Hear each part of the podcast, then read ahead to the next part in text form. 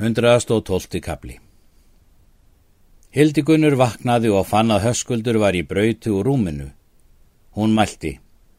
Harðir hafa draumar verið og eigi góðir og leiti þér að honum höskuldi. Þeir leituðu hans um bæin og fundi hann eigi.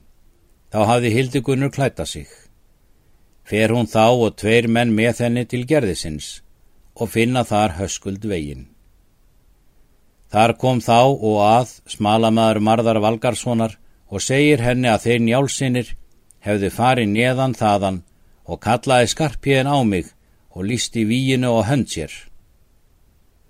Karlmannlegt verk væri þetta, saði Hildigunnur, ef einn hefði aðverið. Hún tók skikkjuna og þerði með blóðið allt og vafði þar í innan blóð livrarnar og braut svo saman og lagði niður í kistu sína. Nú sendir hún mann upp til grjótár að segja þanga tíðindin. Þar var mörður fyrir og hafði sagt áður tíðindin. Þar var óg komin ketill úr mörg. Þorgerður mælti til ketils. Nú er höskuldur döður sem við vitum.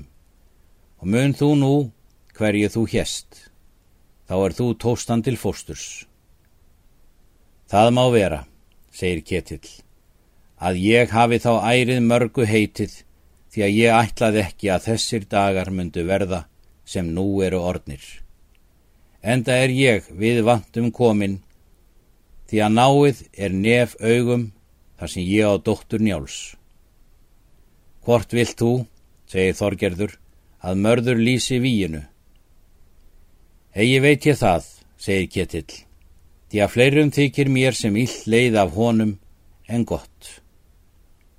En þegar er mörður talaði við Ketil, þá fór honum sem öðrum að svo þótti sem mörður myndi honum vera trúr og var það ráð þeirra að mörður skildi lýsa víinu og búa málað öllu til þings.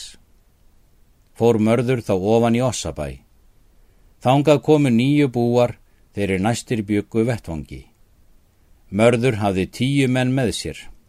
Hann sínir búum sár höskulds og nefnir vottað benjum og nefnir mann til hvers sárs nema eins. Það let hann eigi sem hann vissi hver því hefði sært, en því hafði hann sjálfur sært. En hann lísti víin á hendur skarpiðni, en sárum á hendur bræðrum hans og kára. Síðan kvatti hann heiman vettfangsbúa nýju til alþingis, eftir það reið hann heim.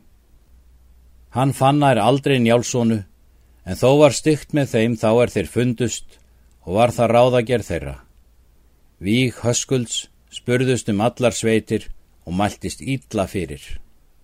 Þeir njálsinir fóra að finna áskrím Ellega Grímsson og báðu hann liðvislu.